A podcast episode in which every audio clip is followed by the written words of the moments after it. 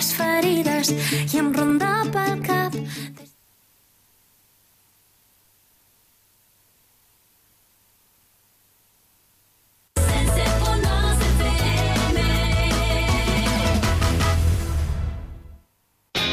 radioseu.cat hi tens un complet arxiu de notícies, imatges i documents sonors i una portada que no para de renovar-se perquè trobis a internet la immediatesa de la ràdio. La pàgina web de Ràdio Seu, el referent informatiu local. Entra a radioseu.cat. Hem millorat per a tu.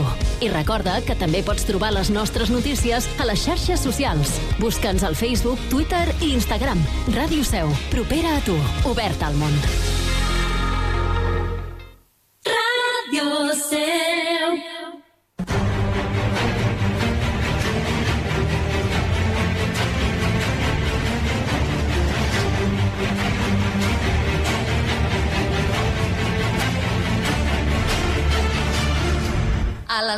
De Troia, amb Alberto Reche, Sergio Rodríguez i Albert Abril.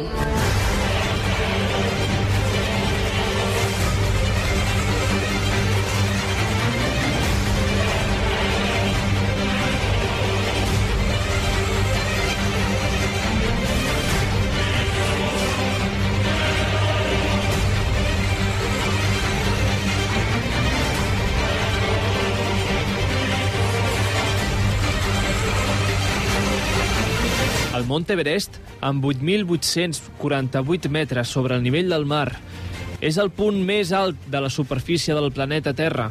Situat entre la Xina i el Nepal, resulta un dels indrets més fascinants i inaccessibles de l'escorça terrestre i les històries al voltant de la seva conquesta connecten amb històries d'heroisme, valentia i determinació. Aquesta setmana repassarem les diferents etapes del llarg setge que, durant gairebé un segle, aixecaren els exploradors occidentals sobre el punt més alt de la serralada de l'Himalaya. Benvinguts al sostre del món. Benvinguts a les portes de Troia. Benvinguts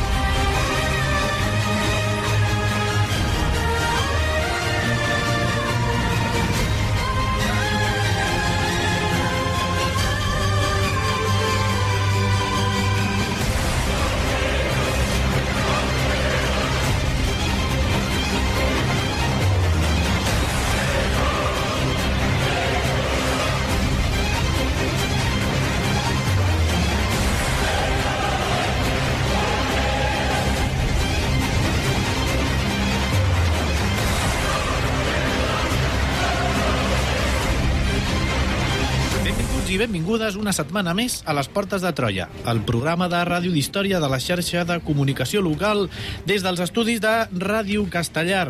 Uh, aquesta setmana parlarem del setge de l'Everest i ho fem amb el nostre historiador de capçalera, Alberto Reche. Benvingut. Bones, què tal? I també avui tenim el nostre altre historiador de capçalera, Albert Abril. Benvingut. Com anem?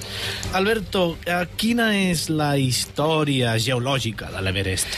Bueno, és, és, és molt bonica, ja ho veuràs, perquè no deixa de ser poètic que, la, que actualment la muntanya més alta del món va ser fa molt i molt i molt de temps sol marí. No? Fa, posem, no, fa uns 180 milions d'anys, la Terra era ben diferent a com és ara, com, com és evident. Uh -huh. uh, el triangle de l'Índia actual es trobava separat de la resta d'Àsia per, per, per un oceà, pel mar de Tetis, no? I, i aquest dorito immens que era la península índia, bueno, la illa índia en aquell moment, eh, s'apropava a Àsia a una velocitat certament descomunal, perquè us feu una idea, eh, a la supervelocitat d'uns 15 centímetres l'any, que això geològicament és una puta passada, eh, pel mateix procés geològic que havia separat aquesta, aquest Dorito gegant del supercontinent Pangea. Feia només uns 20 milions d'anys, no? Llavors tenim aquest Dorito immens, no?, amb, amb velocitat de creuer. No sé, Eh, Doritos? És un Dorito, sí, saps que és un Dorito? Sí, no, ja, ja, ja. Perdó. Pues digue-li Nacho, un, un, un Nacho, un senyor Ignacio. Un totopo. Un totopo. Un, topoto. bueno, en qualsevol cas.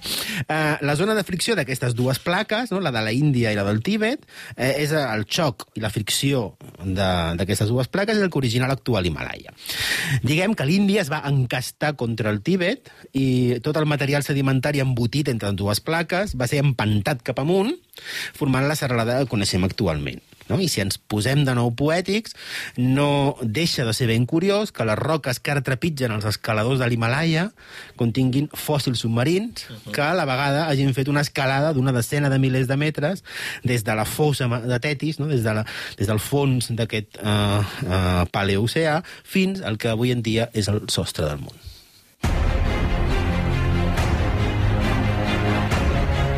Segueix-nos a facebook.com barra Portes de Troia o a Twitter arroba Portes de Troia.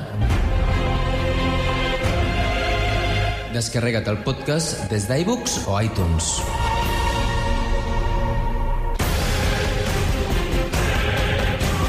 I descobreix tots els continguts del programa a la nostra pàgina web www.portesdetroia.cat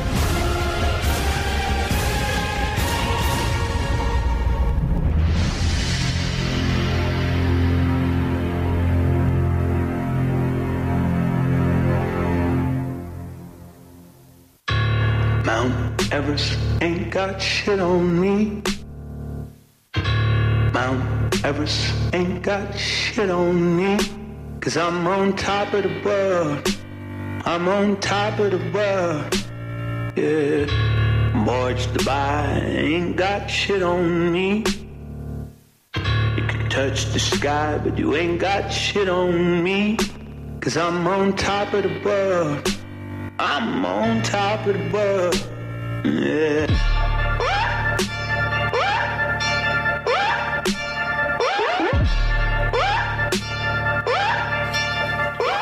Doncs eh, comencem, Alberto, si et sembla, amb una qüestió onomàstica. Parlem del Mont Everest, però aquest és un nom que li donaran els anglesos. Quins altres noms té aquesta muntanya? Bé, doncs el món Everest, a banda de ser la muntanya més alta del planeta Terra, marc, i que marca també la frontera entre, entre la Xina i el Nepal, eh, eh, respon a diversos noms. No? Llavors, per respondre a aquesta pregunta de quin és el nom autòcton de l'Everest, ens enfrontem ja d'entrada amb aquesta pregunta tan innocent, en realitat, a tres respostes possibles. La xinesa, la tibetana i la nepalí. Som-hi, comen comencem. Que de fet té trampa, perquè d'aquestes tres només hi ha una. Vale? En tibetà, l'Everest es coneix amb el nom de Chomolungma, o Komolungma, no? que, una mena, eh, que vol dir mare de l'univers, no? un, en un nom ben indicatiu del, del paper reverencial que tenia aquesta muntanya, aquest sostre del món dins el, eh, dins el món tibetà. Uh, en xinès uh, té dos noms, Chumulang Mafang, no? que és una mica com el pic del Chumulunga, adaptant el nom tibetà, o Sheng Mufang, no? el pic de la, de la Sagrada Mare o de la, de, sí, de la Santa Mare. Sí, aquests serien els, els dos noms eh, més tradicionals de l'Everest. I, i, i en nepalí? I en nepalí, doncs és curiós perquè eh, a inicis dels anys 60 del segle XX, és a dir, fa, fa res, el govern del Nepal se'n va donar que la muntanya no tenia un nom oficial en nepalí. Bàsicament perquè, perquè el centre històric i el centre de poder històric del Nepal estava més al, més al sud, a les valls del sud, i per tant eh, aquell món eh, nepalí més proper al Tíbet, no? on, on, eh, on està l'ètnia dels xerpes eh, i tal, quedava molt lluny no? de l'oficialitat nepalí, i com que no volien acceptar el nom xerpa de, de la muntanya, van decidir crear-ne un de nou. No? Llavors, eh, a proposta de Baburam eh, Acharya, van adoptar en nepalí el nom de Sagarmata, eh, que vol, vol dir el front del cel, com a nom oficial en nepalí. Llavors, fixeu-vos que curiós, no?, perquè la gent que es queixa del colonialisme anglès que posa nom als topònims tradicionals, i diu, ah, no, no s'ha de dir Everest perquè no és el nom mm. nepalí original. I dius, vale, però és que el nom en, en, en anglès ja veurem que és uns 100 anys anterior al nom en nepalí. No? En tot cas, utilitza el nom Sherpa o utilitza el nom tibetà. No deixa de ser curiós, no? I ens, sí. i ens indica molt bé que eh, darrere d'aquesta muntanya, que té, bueno, té la casualitat de que és la muntanya més gran del món, però això és accessori, s'amaga un conflicte, ja veurem, polític, lingüístic, ètnic, eh, d'imperialisme eh, britànic, que és el que anirem desgranant al llarg del programa d'avui. Molt bé, ja ho has avançat fa un momentet, però a partir de quan l'Everest es coneixerà amb el nom d'Everest? Everest la muntanya i no el, el gos de la patrulla canina. Això també ho hem de deixar uh, molt clar per si algun espectador uh, s'ha confós amb el nom del programa. Doncs, eh, a partir de quan l'Everest es diu Everest? Doncs a partir de l'any 1865, quan la Royal Geographical Society, per recomanació d'Andrew Bolt, el, que és el, en aquell moment topògraf general de l'Índia, no? és un càrrec eh, dins de l'imperi britànic, no? hi havia diferents eh, eh, dominis imperials eh, de Gran Bretanya, tenien topògrafs generals no? per, per eh, descobrir la, la regió, cartografiar-la, posar-la nom, organitzar-la... Doncs eh, aquest topògraf general de l'Índia, el 1865, recomana que es posi el nom d'Everest a la muntanya en honor de Sir George Everest, que eh, era l'anterior topògraf general de l'Índia. No? Llavors, en honor del seu antecessor en el càrrec, del seu homo antecessor, eh, va, va decidir proposar aquest nom. És curiós perquè el, prof, el propi George Everest eh, estava en contra d'aquesta nomenclatura, ja que considerava que s'havia de respectar sempre que fos possible els topònims nadius. Eh, el problema era que els britànics van posar el nom, ja ho veurem, el nom de l'Everest abans d'arribar-hi. De fet, van posar el nom com uh, uns uh, uh, 60 i pico anys abans de posar un peu a l'Everest. Uh, I, per tant, no tenien ni la més mínima idea de saber quin era el nom que tibetà, o el nom xerpa, o el nom nepalí, nepalino que no existeix, eh, es dona, quin nom es donava aquella muntanya. Per tant, van haver d'optar, ja veurem, primer van començar posant-li eh, tots aquests pics de, de l'Himalaya eh, lletra, lletres, després números, i després van decidir pues, els més eh, significatius posar-li posar, -li, noms, no? Per ser el K2, un K2. Mm -hmm. Molt bé, i, i bueno, eh, aquest episodi que ens estàs explicant té lloc a, a mitjans del segle XIX, però, però feia molt que ja havia començat l'interès per les muntanyes de l'Himalaya? Clar, hem de pensar que des de principis del segle XIX, eh, quan els desitjos expansionistes de l'imperi rus, per una banda, i de l'imperi britànic, per l'altra, xoquen a l'Àsia central, central, el paper que tindrà la geografia i el coneixement cartogràfic serà indispensable. No? Estem en un joc directament, en un joc entre potències imperialistes. Uh -huh. no?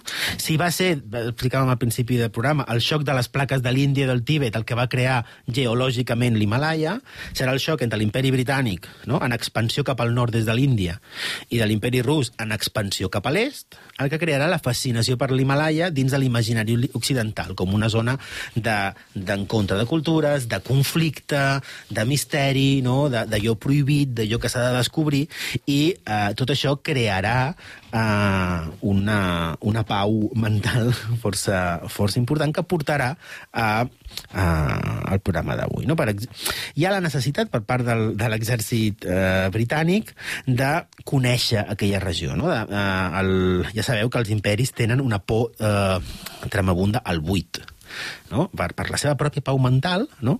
eh, aquest soroll de fons que era, eh, que era la inexistència no? de, de saber, no? la inexistència d'un mapa ben fet, portava a que els oficials britànics necessitessin omplir aquests buits. No? Per exemple, en una data tan, tan primerenca com l'any 1800, eh, Robert Colebrook que és topògraf general de Bengala, va ordenar a tots els oficials britànics, fossin geògrafs o no, no?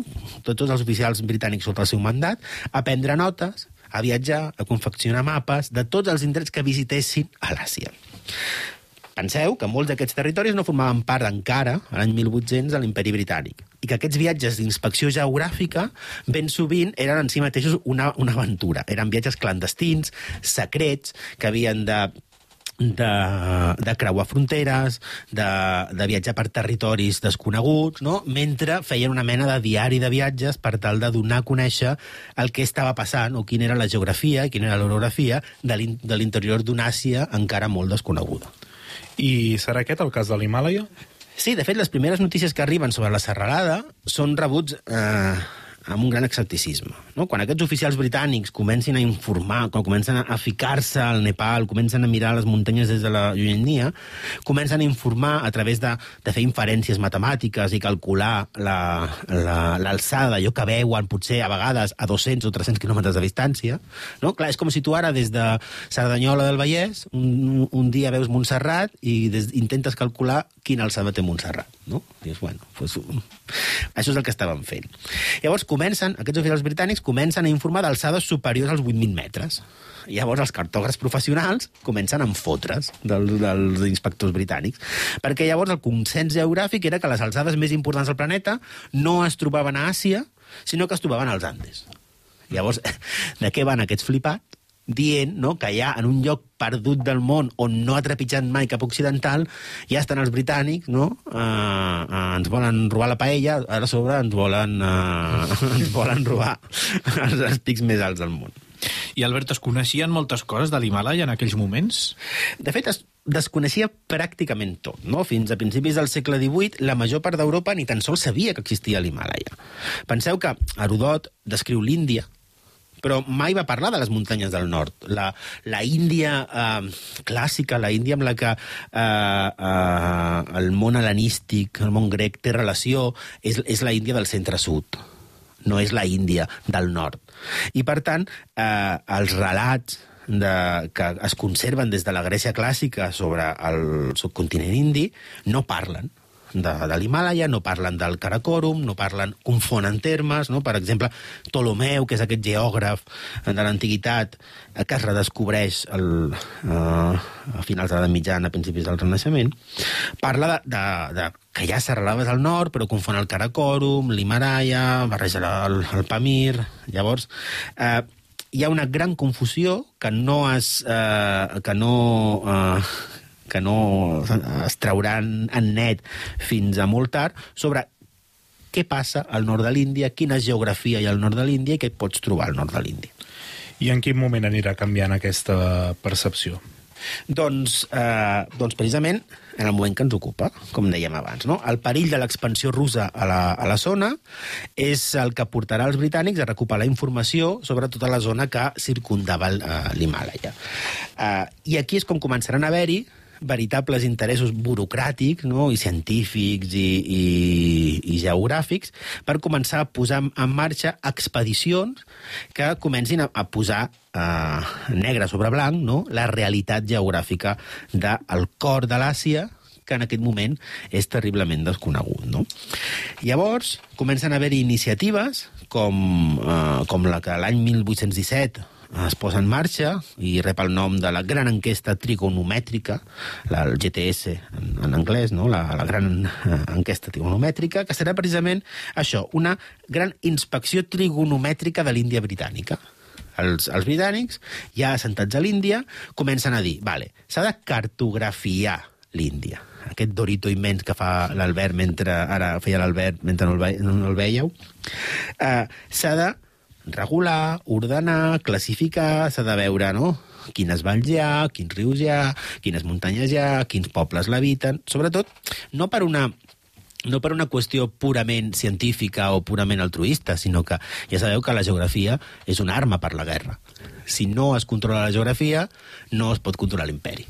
I, per tant, eh, per això, eh, aquesta, aquest vel de misteri que moltes, o de fascinació occidental que té moltes vegades el Tíbet, el Nepal, l'Everest, no? que encara, bueno, mm. ens fascina, no hem d'oblidar que aquesta fascinació no és una fascinació que neix en el buit, sinó que és una fascinació que neix des de l'opressió, des de la violència, des de la conquesta. No? I, per tant, quan aquests geògrafs eh, britànics l'any 1817 inicien aquesta gran enquesta que durarà 30 o 40 anys i que té com a objectiu no?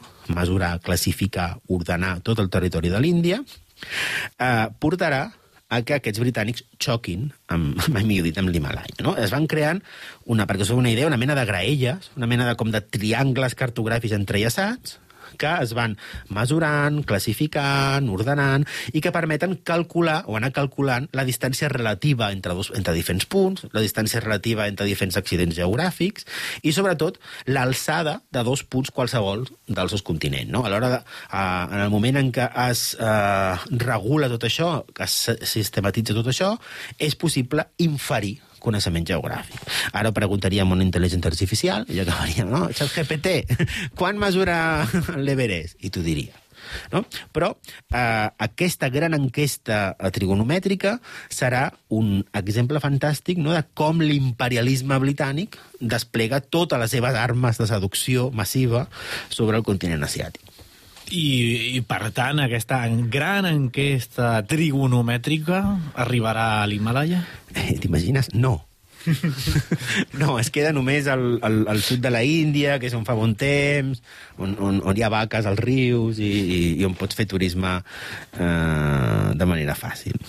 El cert és que no arribarà a l'Himalaya, seria una resposta de, de sí i no, no? o una resposta de gairebé, perquè eh, aquesta enquesta comença el 1817 al sud de l'Índia i va avançant a poc a poc, molt a poc a poc, perquè ja, ja es podeu imaginar la complicació logística que té tot això, i ens trobem que a l'inici de la dècada de 1830 ja comença aquests geògrafs i cartògrafs britànics comencen a veure a la llunyania l'Himalaya. l'Himalaya no? Comencen a intuir no? que allà al fons a la dreta, on, on hauria d'estar el lavabo, hi ha unes muntanyes enormes eh, que comencen a, a, a centrar el seu interès.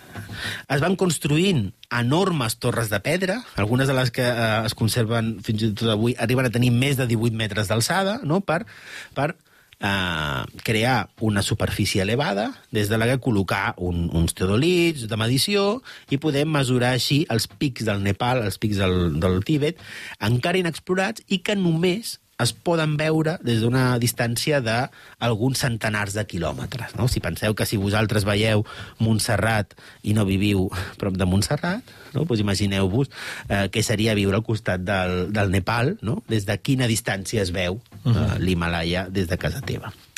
Llavors, eh, aquesta, eh, aquestes medicions a la distància van ser una manera de començar a posar fil a l'agulla en aquesta cursa cap al coneixement primer i cap al setge després de l'Everest. Però llavors, quan es mesura per primera vegada l'Everest? Bueno, doncs és una molt bona pregunta. La, aquesta gran enquesta trigonomètrica mesura 79 pics. No? I, eh, identifiquen 79 pics que ells consideren que són els punts més alts de la serralada del, de l'Himàlaia, eh, en una forquilla cronològica que va entre la dècada de 1840 i 1850. Penseu que no és fàcil eh, accedir a aquestes regions, no és, no és fàcil tot aquest eh, desenvolupament, i llavors, entre aquests 79 eh, ítems cartogràfics, hi ha un que anomenen amb la lletra H, és bonic perquè és, és muda. No? és un bon exemple de, de, uh, de, del misteri de l'Himalaya, no? perquè no es podia ni pronunciar. Quin pic? Eh, no? Més endavant, aquest pic va uh, passar a anomenar-se el pic 15, no? en, en, en numerals romans, i eh, va ser avistat per primera vegada per eh, John Nicholson, no, no con, confondre amb John Jack, John Jack Nicholson, no? eh, que també podria ser, aquests punts d'observació no eren un far. En qualsevol cas, des d'un punt d'observació, fixeu-vos, situat a uns 280 quilòmetres de distància de la muntanya. No sé ara mateix què hi ha a 280 quilòmetres dels estudis de Ràdio Castellà eh, des de la xarxa de comunicació local, però eh, imagineu-vos la distància que, eh, que suposa aquest avistament, no? Quan aquestes dades de John Nicholson es sotmeten a comprovació, no? I, es, i es mesura eh, les dades en brut que ell passa, s'es- s'estima una alçada per aquest punt H, per aquest pic 15, d'uns 8.700 eh, metres. Fe, si us feu una idea, la, el consens actual, perquè això va variant, eh, de l'alçada de l'Everest és 8.848 metres. Em sembla que és molt bonic perquè em sembla que les muntanyes tenen marees, també. Com estan sobre plaques tectòniques, a vegades són una mica més altes o més baixes, però bueno, el consens és que l'Himalaya fa, que que l'Everest fa 8.848 metres.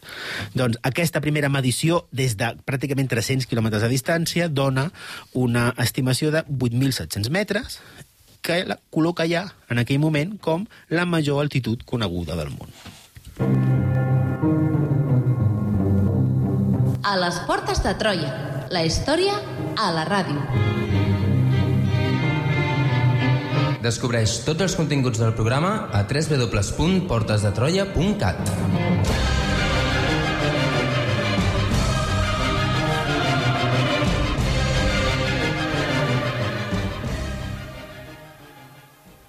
La cuenta atrás ya comenzó, llegaremos sí o no, mi vuelta al mundo va a empezar.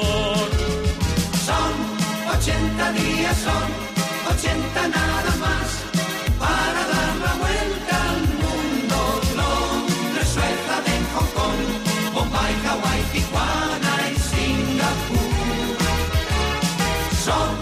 Esti estimats amics i amigues, ara ja que ens tenim certa... certes... Estima? Sí, una estima, segurament, i, i ja ens anem coneixent.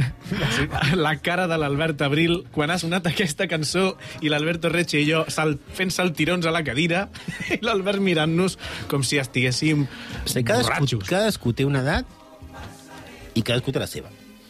Ha sigut una mica Rajoy, això, eh? Sí, Cadascú té una edat és, és, la, té la és l'edat és l'edat eh, els que és l'edat la que tria els veïns Ai. i viva el vino. La volta al món amb, amb Willy Fogg, en 80 dies. Eh? Això per introduir-nos, per seguir amb aquest programa dedicat a, a, l'Everest, que li estem fent una radiografia ben completa. Ja tenim a l'Himalaya en el punt de, de mira, justament des de 280 quilòmetres de moment, i com hem vist, fins i tot el nom eh, de l'Everest, doncs, eh, el, el nom de l'Everest sobre la taula està a partir ja del 1865. Alberto, per què és important el nom? Clar, no hem d'oblidar el fet principal del programa d'avui, no? que, que és el setge de l'Everest, que potser algú pensa que parlarem de les escalades a l'Everest, però ho sento, no, no crec que arribem. Ho deixarem a, a les portes de l'Everest. I l'Albert em fa el gest com de prometràs un programa i potser el cor em demana que no, que quedi com, com un territori inexplorat, com una terra incògnita, i que no es faci mai un programa d'arribar a l'Everest, perquè eh, allò bonic de l'Everest és, és saber que existeix, però no arribar-hi. És el camí. És el camí. És, és, eh, L'Everest és, és la Ítaca de, de l'imperi britànic, no? perquè un cop que arribes a l'Everest, ja veurem, ja tot està fet. No? Una vegada que has arribat al punt més alt del món, què més et queda per fer? No? Llavors, anar-te al Paris Saint-Germain, no sé... Eh, llavors, eh, potser mai arribarem a, a fer cim. Eh, tornant al tema dels noms, no? no hem d'oblidar no hem d'oblidar uh, el fet principal del programa d'avui, que és la lògica de la descoberta. No? L'interès i el setge a l'Everest, que no és la història de la superació individual d'un grapat d'exploradors i de muntanyistes que decideixen enfrontar-se al món i demostrar que el seu únic límit és el cel, sinó ben al contrari, és un capítol de la història de l'imperialisme occidental, no? de la seva cobdícia i de la lluita pel relat. No? I jo crec que és, que és interessant enfocar el nostre apropament a l'Everest des d'aquest punt de vista, no? i no caure eh, estritament en, en una història d'efemèrides, de batallites, de qui puja, de que si la bombona d'oxigen, de si no sé què, de si no sé quan. Vale? Llavors, la pròpia obsessió per la descoberta i pel baptisme geogràfic era una forma de colonització, era una forma d'imperialisme. No? L'època victoriana és tremendament voraç en aquest sentit. No cal oblidar que estem just a mitjans del segle XIX en l'època de màxima expressió de la voluntat de dominació europea. No, no, no per casualitat, l'any 1851, per exemple, es crea la primera exposició universal. No? És l'any de l'exposició universal a Londres que és una bacanal de supremacisme occidental i una oda al progrés industrial. No? Des de les cada cop més abundants colònies europees s'enviaven tot tipus d'objectes per mostrar el domini sobre la diversitat del món, amb una mena de, de revival, no? d'aquest cerimonial de, de, de terra i aigua no? que, el, que els emperadors perses feien quan expandien el seu domini sobre el món. I, I si els anglesos o els britànics haguessin pogut, com han fet amb tot, haguessin agafat l'Everest i se l'haguessin posat dins la motxilla i l'haguessin portat cap a, cap a Londres.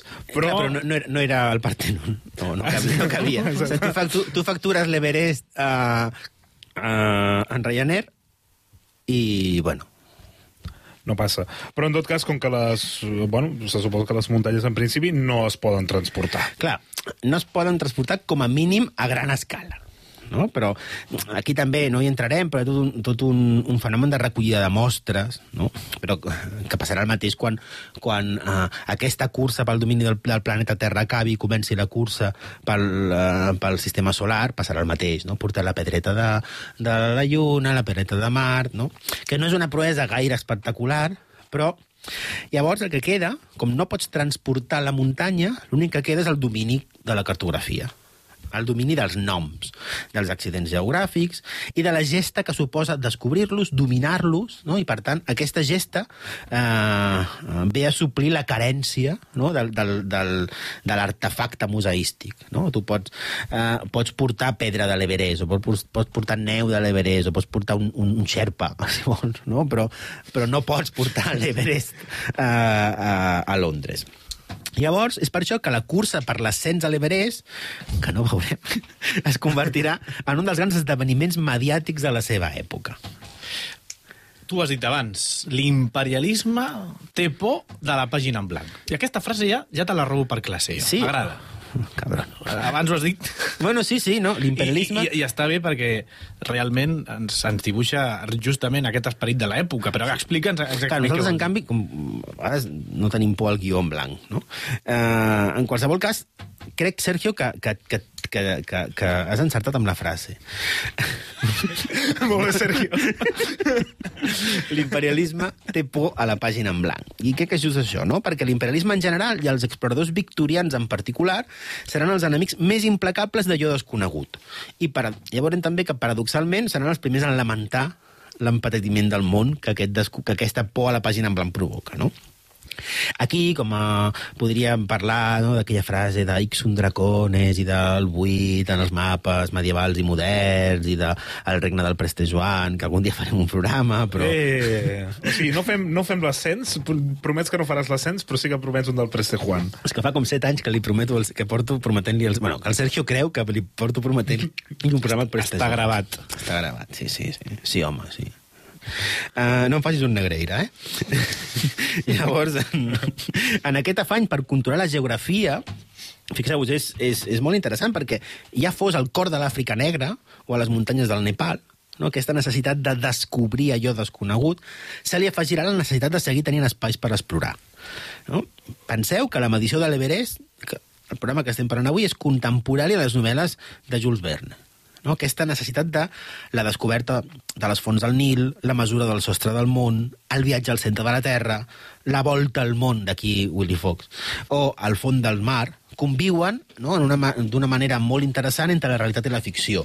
Perquè a l'època victoriana, eh, i els imperialismes eh, europeus en general, no? perquè, Verne era francès, eh, necessiten projectar sobre el domini del món totes les seves expectatives. No? I per això, és, per això és interessant aquesta descoberta de l'Everest, aquesta lluita pel seu control i tot l'espectacle que vindrà més endavant no? de escalades, escaladors, que es converteixen en una mena d'herois de, uh, nacionals, una mena de cavallers de la taula rodona que busquen el Sant Grial, no? que eh, no és eh, curiós que George Mallory, que és el primer que, que, que sublima aquesta mística de l'escalada, no decidir compartir eh, cognom amb Thomas Mallory, no? que és un dels grans eh, mitògrafs artúrics, però eh, és ben interessant això. Aquesta, aquest afany de descoberta de l'Himàlaia i de l'Everest és producte de la seva època. I quan es farà més intens aquest desig de domini sobre, sobre l'Everest? Doncs fem, fem un salt endavant, fem una mica endavant, però tornarem enrere, perquè el, els historiadors ja saps que tenim, tenim carta blanca per anar endavant i endarrere i relacionar coses, però si fem un, un salt una mica més endavant, no? tot, just, tot just acabada la Primera Guerra Mundial, eh, en aquest moment ens trobem en, en una situació molt inquietant. És el moment en què ja s'havia complert la major part de les grans... o s'havien complert la major part de les fites, o de les grans fites de l'exploració mundial. Els dos pols havien estat trepitjats, no? 1908, 1909 al Pol Nord, segons eh, a qui et creguis. El 1911 a Edmundsen trepitja, arriba al Pol Sud. La geografia interior de l'Àfrica havia estat ja cartografiada no? des del darrer terç del segle XVIII, ja, ja es coneixia, no? Uh, uh, on neix el Nil, què passa dins del cor d'Àfrica, no? Ja s'havien fet totes aquelles novel·les de Joseph Conrad, no? sobre el cor de les tenebres i, i el, uh, l'impacte que suposa per l'europeu no? endinsar-se a Àfrica. I, per tant, els pols ja no eren un ter una terra incògnita, a l'interior d'Àfrica ja era una terra incògnita, i només quedava no? immaculat encara l'altiplà tibetà, que s'estenia al sud de l'Everest i que, de fet, a partir de, de 1894 comença a, a, a rebre la, el qualificatiu de el tercer pol. No? Fixeu-vos que a finals del segle XIX, principis del segle XX, hi ha tres pols a la Terra. El pol nord i el pol sud, però hi ha un tercer pol, no? gairebé tan difícil d'accedir com, com aquests dos espais, que és allò que hi ha més enllà de l'altiplà uh, del Tíbet, que veiem a la distància, però que encara ni sabem com és, ni hem trepitjat, ni sabem com arribar-hi, ni què trobarem allà. Normalment el que trobes és la mort, però bueno, cadascú no, no ve buscat. Mm, amb això de l'altiplà tibetà immaculat, eh, ens estem referint des del punt de vista occidental. Evidentment, des del punt de vista occidental. Igual quan parlem de, de la reconquista, quan parlem de colonització d'Amèrica o quan parlem de tantes altres coses, no? Com tants altres moments de la història, de l'exploració, l'existència de pobles nadius ni es contempla, no? o no es contemplava com a element objectiu. Evidentment, nepalís, tibetans, habitaven els altiplans de la regió i coneixien les serralades prou bé.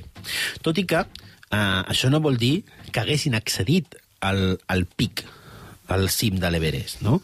Uh, bàsicament perquè ja vam veure quan parlàvem de, quan vam fer el programa de la història del muntanyisme, de que uh, tradicionalment aquestes muntanyes tenien un component de reverència religiosa, no? d'inaccessibilitat, que feia que, que ningú se li hagués perdut res en aquests indrets, no? Haurem d'esperar al segle, al segle XVIII a la dèria europea del muntanyisme, no? la dèria europea de, de conquerir els cims del món, no? en, para, en paral·lel a l'interès imperialista per l'Everest i a l'interès de l'exploració. Uh, Europa s'ha quedat petita, el Mont Blanc, uh, l'Ebrus s'han ja coronat, de fet uh, s'han massificat moltíssim, ja cues i cues i cues de turistes i domingueros escalant les grans muntanyes d'Europa, ja veurem com al segle XX, no? en aquest programa que farem, no? ja veurem com uh, al segle XX, uh, la relació del segle XX o de la segona meitat del segle XX amb l'Everest eh, és precisament la de la massificació turística. No? Ja, ja en parlarem, si voleu. En qualsevol cas, acabada la, segon, la Primera Guerra Mundial, l'únic espai que queda verge eh, al món per explorar és aquest tercer pol, no? aquest, aquest, aquest eh, Himàlaia, aquest Everest, i eh, comença tota la eh, maquinària britànica per fer-ho. No? Eh, ja hem vist que aquest pic número 15 després rebaptitzat com Everest, va ser descobert oficialment a la dècada de 1840-50, però el cert és que els britànics no es van apropar encara a l'Everest. La seva ubicació a la frontera de dos regnes prohibits, no? el regne prohibit del Nepal i del Tíbet, no ho feien possible. Eh, Gran Bretanya, ja veurem, s'havia compromès a respectar la sobirania del regne del Nepal i, per tant, els agrimensors, els exploradors, els cartògrafs britànics no trepitjaven al Nepal. Tenien prohibit accedir al Nepal per una qüestió d'acords diplomàtics i, eh, a la seva vegada, la inaccessibilitat extrema del Tíbet, no? O sigui, no pots accedir al Nepal, encara menys pots accedir al Tíbet, la convertia en una mena d'Arcàdia feliç, espiritual, no? una imatge que encara es manté avui. Eh, encara avui, la cultura tibetana, la cultura budista, tot, aquest, eh, la cultura nepalí, té, des del punt de vista del, de l'idiota occidental, no? És, eh, la, la, el, el mateix procés mental que et porta a idealitzar, a idealitzar la natura perquè has vist pel·lis de Disney i no entendre que els animals no, no tenen sentiments humans, eh, porta a idealitzar eh, el Tíbet, eh, l'Himalaya, com un espai, com l'últim espai de puresa humana. No? Penseu que estem a finals del segle XIX, estem eh, a les portes de la segona revolució industrial, estem a les portes de la massificació del món urbà, de la gran migració del camp a la ciutat, de la, dels canvis de la jornada laboral, el canvi a la forma de vida, eh, la guerra, no? la guerra industrial, que serà la primera, però sobretot la segona guerra mundial, porten a sublimar, a mitificar aquests espais aparentment verges, no? verges del gran monstre que és l'home blanc, que és el món occidental, i per tant, aquesta capa d'exploració, aquesta capa d'imperialisme, aquesta capa de, de desig de conèixer allò eh, desconegut, s'afegeix una altra que és la del mite a l'Arcàdia feliç, no? la, la, la búsqueda d'aquest sangrilà, no? d'aquest espai eh, místic i màgic on eh, es creu que existeix eh, la puresa definitiva de la humanitat. No? Com veieu, eh, eh, estem davant d'un trencaclosques molt gran i, per tant, és fascinant. No? Però tot això es desenvolupa bàsicament perquè és una zona tancada als europeus. I, I tan inaccessible i tan tancada era aquesta zona? Sí, de fet, eh, entre el Tíbet i el regne prohibit de Nepal, del Nepal, l'Everest resultava inaccessible. No? Avui, eh, avui encara avui és terra de frontera, però en el de curs dels anys 70 del segle XIX, eh, o dels, no, perdó, dels 70 anys que van passar de la medició de l'Everest al 1850, fins a la primera expedició de reconeixement que arriba als peus de la muntanya, Cap Occidental va poder apropar-se a menys d'uns 65-70 quilòmetres de l'Everest. Per tant, eh, era una zona remota, era una zona totalment inaccessible i, per tant, això generava una fascinació eh, espectacular. No?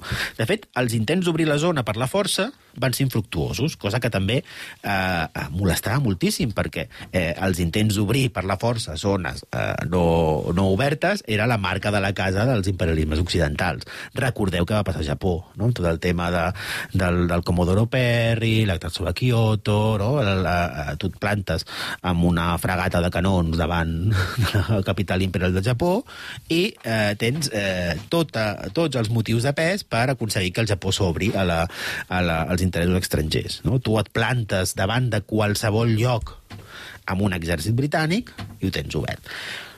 Oh, sorpresa, amb, amb el Tibet això no passa. Els intents d'obrir per la zona per la força van ser infructuosos. Per exemple, l'any 1904, Francis John Hughes Band eh, comana un contingent britànic armat eh, que decideix, per les braves, eh, irrompre en el Tibet per la força des de l'Índia. No? Un intent de trencar amb aquest status quo eh, a la zona que eh, era una mena com de eh, tap o de zona eh, en què la influència russa per una banda i la influència britànica per l'altra feia que ningú s'atrevís a fer el pas de, de fer trencar eh, l'equilibri, doncs aquest home agafa uns quants soldats britànics i amb una excusa eh, bueno, o amb el pretext, o amb el casus belli, d'un suposat segrest de cap de bestiar que els tibetans havien fet sobre territori nepalí,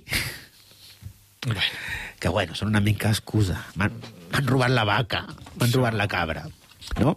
Eh, amb aquesta excusa decideix intervenir militarment al Tíbet per reparar, suposo que per buscar aquelles cabres que s'havien robat, no? dient, ¿dónde està la cabra que jo la vea? Eh, En qualsevol cas, ja us podeu imaginar que són excusa. El que realment preocupava era la, la creixent influència de Rússia sobre el Tíbet. No? I el que es buscava era reforçar la posició britànica a la zona. Com podeu suposar, els tibetans no van permetre l'entrada de les tropes britàniques. Eh, I això va portar a un desastre que, repetit infinitat de vegades arreu del globus, no resulta menys dramàtic quan l'expliques. No? Un, un descerebrat oficial britànic entra amb un grup armat eh, al Tíbet, rep eh, l'oposició de milers de tibetans armats amb espases, llances i alguna arma de foc que havien pogut aconseguir, i aquests milers de tibetans s'enfronten a algunes desenes de soldats britànics armats amb un canó i fusells. No? Segons l'informe posterior que es fa d'aquesta primera batalla, els britànics obrien foc, diu, van obrir foc durant el temps que triguen sis tasses de te a refredar-se. Cosa que explica per què és un bon exemple de per què ha d'haver-hi un sistema decimal. o com a mínim un sistema reglat de mesurar les coses. No? Quan va durar això? Re, amb el que triguen sis tasses de te a refredar-se una darrere l'altra. Fan ràbia. Fan ràbia, o pena. Per ràbia. Fan per ràbia.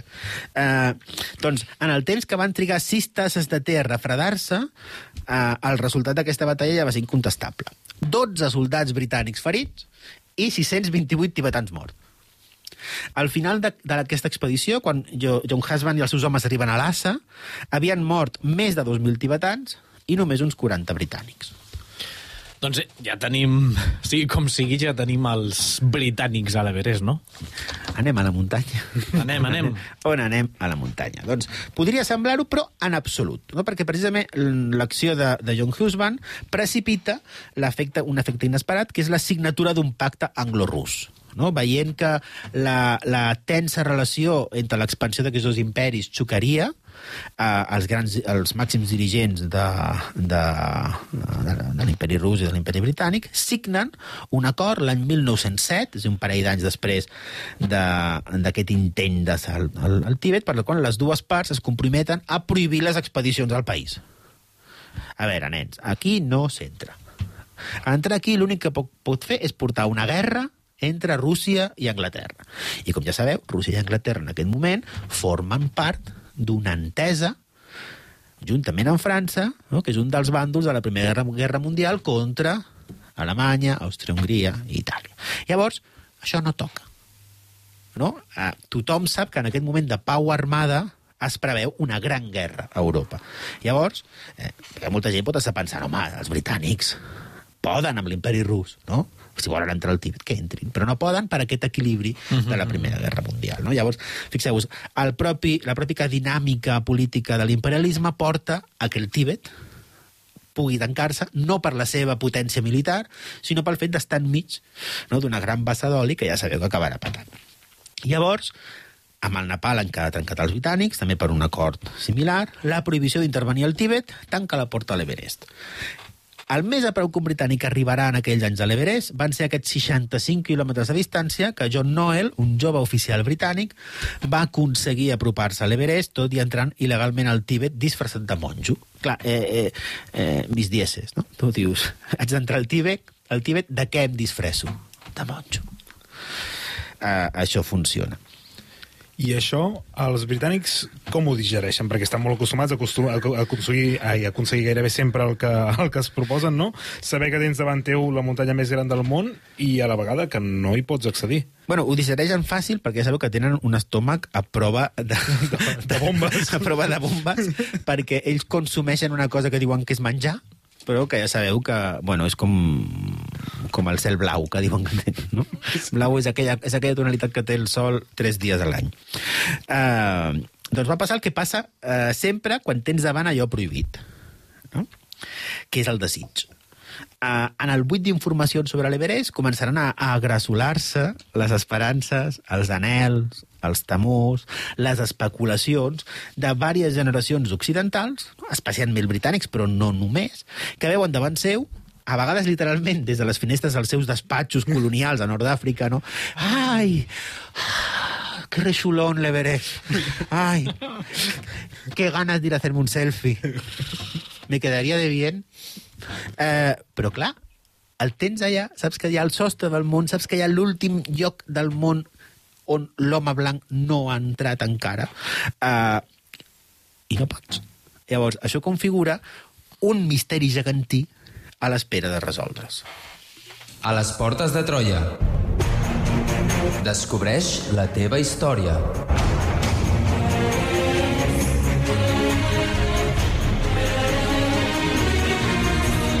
Troba'ns a facebook.com barra Portes de Troia i a Twitter arroba Portes de Troia.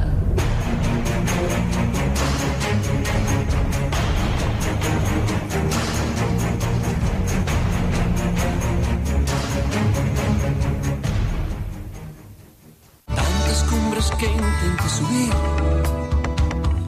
tantas ilusiones no cumplidas, tanto esfuerzo para competir, derrochando toda mi energía y no importó si fracasé, lo bueno fue intentarlo. Tras cada noche de inquietud, siempre amaneció.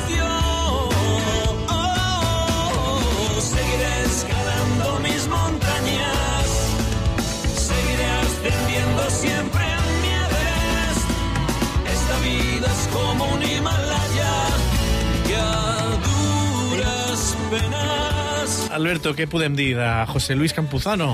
Doncs eh, això té una explicació. Jo estava buscant músiques pel programa ahir a les dues de la matinada, no pregunteu, i, i vaig topar-me, literalment, amb, amb això. I vaig pensar, si jo ho he patit, ho patim tots.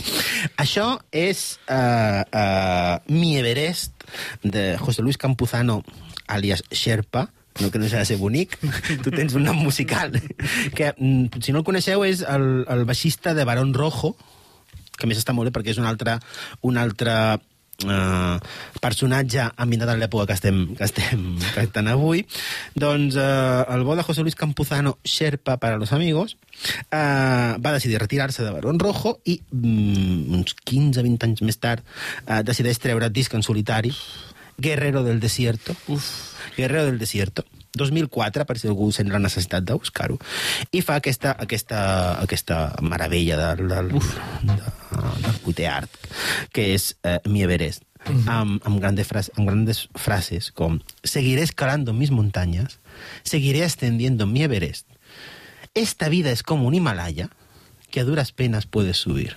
O sea, esta vida és com un Himalaya és potser la metàfora més bonica que ha donat la prosa espanyola des de eh, el Miocid.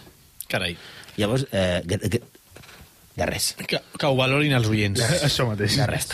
Encetem aquesta recta final del programa d'avui, situats a les portes mateixes del Tíbet, tot just esperant l'arrencada de la cursa que portarà al cim de l'Everest. Quan es dona el tret de sortida, Alberto? Doncs, com hem dit abans, al final de la Primera Guerra Mundial canviarà les coses. L'informe que John Noel eh, fa l'any 1813 sobre, sobre l'Everest, no? Aquesta, aquest avistament des de només 65 quilòmetres de distància, havia despertat encara més el desig per explorar-lo. Però les tensions amb l'imperi rus i l'esclat, sobretot, de la, primera, de la Gran Guerra, de la Primera Guerra Mundial, ho havien impossibilitat. Això canvia quan acaba la guerra i la situació era una altra. Per començar, l'imperi rus havia desaparegut. No? I la situació de guerra interna després de la revolució de 1917 obre la porta no, en aquest impàs on encara no s'ha format eh, la URSS a la, intervenció, a la intervenció britànica del Tíbet. Així, quan el 1920 es fa pública la intenció, la intenció d'organitzar una expedició per assaltar l'Everest i coronar-lo, el rebombori és espectacular.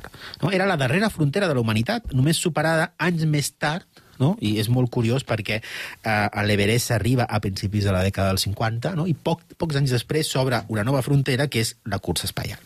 Mm -hmm. I tothom estarà d'acord amb l'inici o amb la proposta d'aquesta expedició? De fet, van haver-hi diverses protestes quan es va saber la intenció de coronar el pic més alt del planeta. Ja sabeu que mai plou a gust de tothom. Uh, mireu els comentaris d'iVox. Certament, la perspectiva d'escalar l'Everest era per molta gent força anticlimàtica, no? comparada amb la cursa espacial que comentàvem abans, que obria una nova frontera per l'exploració humana. No? Que guai... Uh, és un petit part, és un petit pas per l'home per un gran salt per la humanitat, no? perquè qualsevol petita fita de la cursa espacial obria un infinit univers d'oportunitats, trepitjar el cim de l'Everest eh, feia el contrari, tancava tancava l'exploració del planeta Terra. Seria un gran pas per, per l'home per un desencís total per la humanitat. No? Ja no quedarien espais verges al globo terraqui, ja no quedarien reptes per assolir. Eh, Què farien el, els entrepreneurs, no? Què farien ara que no hi havia reptes que assolir, no? I com una mena de premonició funesta, el, el setge de l'Everest avança aquesta banalització de l'aventura, no? Eh, veurem que la fascinació per l'Everest, aquest... Eh, aquest impàs tan bonic que s'obre des de 1920-1921, quan es decideix eh, encetar l'assalt a l'Everest, no? l'intentar saber què hi ha en aquella muntanya, com s'accedeix, no? I com, eh, comencen totes aquelles expedicions eh, de Mallory, no? La- l'ascens per la cara nord, per la cara sud... Penseu també que s'obre un altre, un altre panorama molt interessant al llarg del segle XX. Una de les rutes d'ascens a l'Everest és xinesa. Això a partir, a partir de, eh, de la Segona Guerra Mundial eh, obre un problema, no? Qui arribarà abans al cim de la muntanya. Nosaltres pensem eh, molt sovint no, en la cursa espacial entre la URSS eh, entre la Unió Soviètica i Estats Units, però eh, aquesta cursa no, entre els britànics, els russos, els xinesos, per intentar ser els primers no, i tenir la ruta d'accés més, més viable a l'Everest, eh, també obre un, un món fantàstic no? de tensions polítiques, de tensions culturals, d'interès mediàtic, que porten a que sigui un dels grans esdeveniments. No? Venim també de... Uh, al final de la Primera Guerra Mundial, al final de la Gran Guerra, que pels Estats Units és un moment de gran esplendor econòmica, però per a Europa és l'inici del desastre. No? Els britànics ja no, ja no són el que eren ser part de l'imperi britànic el 1921 o el 1920 no és el mateix que ser-ho el 1912. No? Sembla que només són quatre anys que canvien, que canvien el món. Llavors, l'interès mediàtic que despertarà aquest, aquesta expedició eh, serà espectacular. No? Estem davant, davant de la última gran frontera de la humanitat concebuda en aquell moment. No? Llavors, hi ha un interès brutal d'una generació, d'una generació molt jove, no? de- d'universitaris alpinistes anglesos, no? que George Mallory i, i Andrew Irvine són els dos, els dos grans exponents, no? aquesta gent formada a les grans universitats d'elit de l'imperi britànic, que busquen, eh, o que buscaran, ja veurem si farem o no, que busquen eh, arribar al sostre del món no? I no deixa de ser una mena de premonició funesta no? aquestes crítiques a, a aquest intent d'escalar l'Everest, no? que deien un cop, un cop escalat l'Everest, què ens quedarà? No? Si arribem a Ítaca, què passarà quan arribem a Ítaca i, veiem que només hi ha cabres no? I, i oliveres? Què passarà quan eh, arribem al cim de l'Everest? Quan trepitgem el sostre del món? No quedarà res? No? I com una mena de, ja dic, premonició funesta, el, el setge de l'Everest avança la banalització de l'aventura. No? Només cal veure les fotografies de les cues d'alpinistes que en els darrers anys, any rere any, eh, es formen a causa de la massificació de l'ascens de l'Everest. No? S'ha passat de, de ser una gesta eh, eh, brutal de la humanitat a ser una, una distracció per eh, turistes que si teniu 40-50.000 euros pugeu a l'Everest. Doncs ja per acabar, citar-ho només, deixar el programa als peus de l'Everest, com ens has dit fa una estona. Quines seran les tentatives d'ascens que hi haurà a la muntanya més alta del món? Doncs potser la part més coneguda de tota aquesta història que hem, que hem encetat avui és, com deia abans, la que no hem fet, no? la de les expedicions que succeiran al llarg de la primera meitat de la dècada de 1920, de 1921-1924, eh, que és tot just el moment en el que tallem el programa d'avui, ja veurem. I eh, la primera ascensió eh, eh, feta no? al cim i documentada l'any 1953, tot i que si en algun moment fem el programa ja veurem que hi ha sospites que la darrera expedició de, de Mallory eh, va arribar Uh, mm. al cim, tot i que no es sap. Llavors, hi ha, hi ha hagut fins i tot en els, últims, en els darrers anys expedicions de National Geographic intentant trobar... És a dir, es va trobar, ja veurem, el cos, el cos de Mallory. La, la, la part bona de morir a l'Everest és que se't troba perquè com et quedes allà congelat... Eh, llavors, si algun dia es busca el cos d'Andrew uh, Irvine i si es troba i es troba la càmera fotogràfica, potser es podrà veure si van o no arribar al cim. En qualsevol cas, la primera ascensió al cim es fa l'any 1953 uh, per Edmund Hillary i el xerpa Tenzing Norgay, però, com diu el Sergio, aquestes són històries per un altre dia. Doncs eh, queda dit. Moltíssimes gràcies, Alberto Retxe, per aquesta història de, de la nom de la història de l'Everest abans de ser pujat. A tu per acompanyar-me fins al sostre del món i quedar-te als peus Exacte. de la muntanya. Correcte. Albert Abril, moltíssimes gràcies. A vosaltres. Adrià Dira del control tècnic i en Carlos Lecegui a les narracions i qui us parla, Sergio Rodríguez. Nosaltres us esperem la pròxima setmana amb un nou episodi de Les Portes de Troia.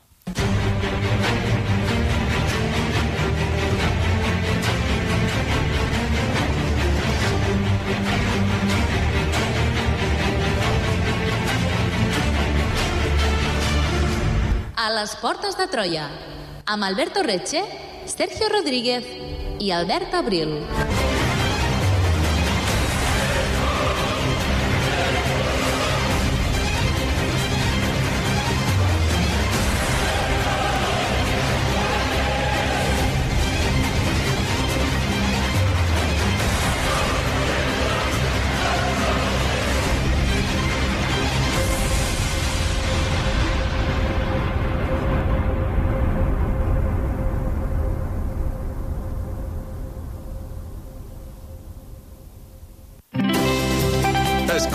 Ràdio Seu on i quan vulguis. Entra a l'apartat de ràdio a la carta de la nostra pàgina web i tria allò que més t'interessa de la nostra programació. Els informatius, les entrevistes, els programes musicals, culturals i esportius, la programació especial... On i quan vulguis, Ràdio Seu. A la carta des de la nostra pàgina web radioseu.cat.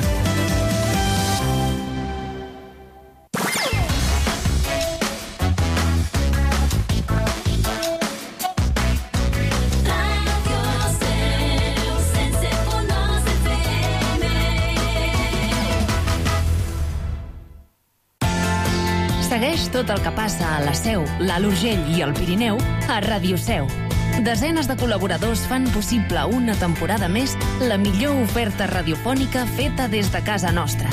Escolta'ns al 107.2 de l'FM, a radioseu.cat o a través de la nostra aplicació per a telèfon mòbil. Ràdio Seu, propera a tu, oberta al món.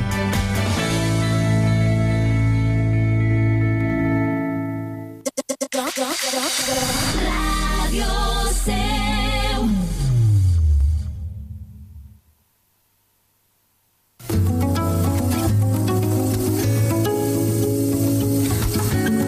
I fins aquí la programació pròpia de Ràdio Seu. Connectem amb Catalunya Ràdio.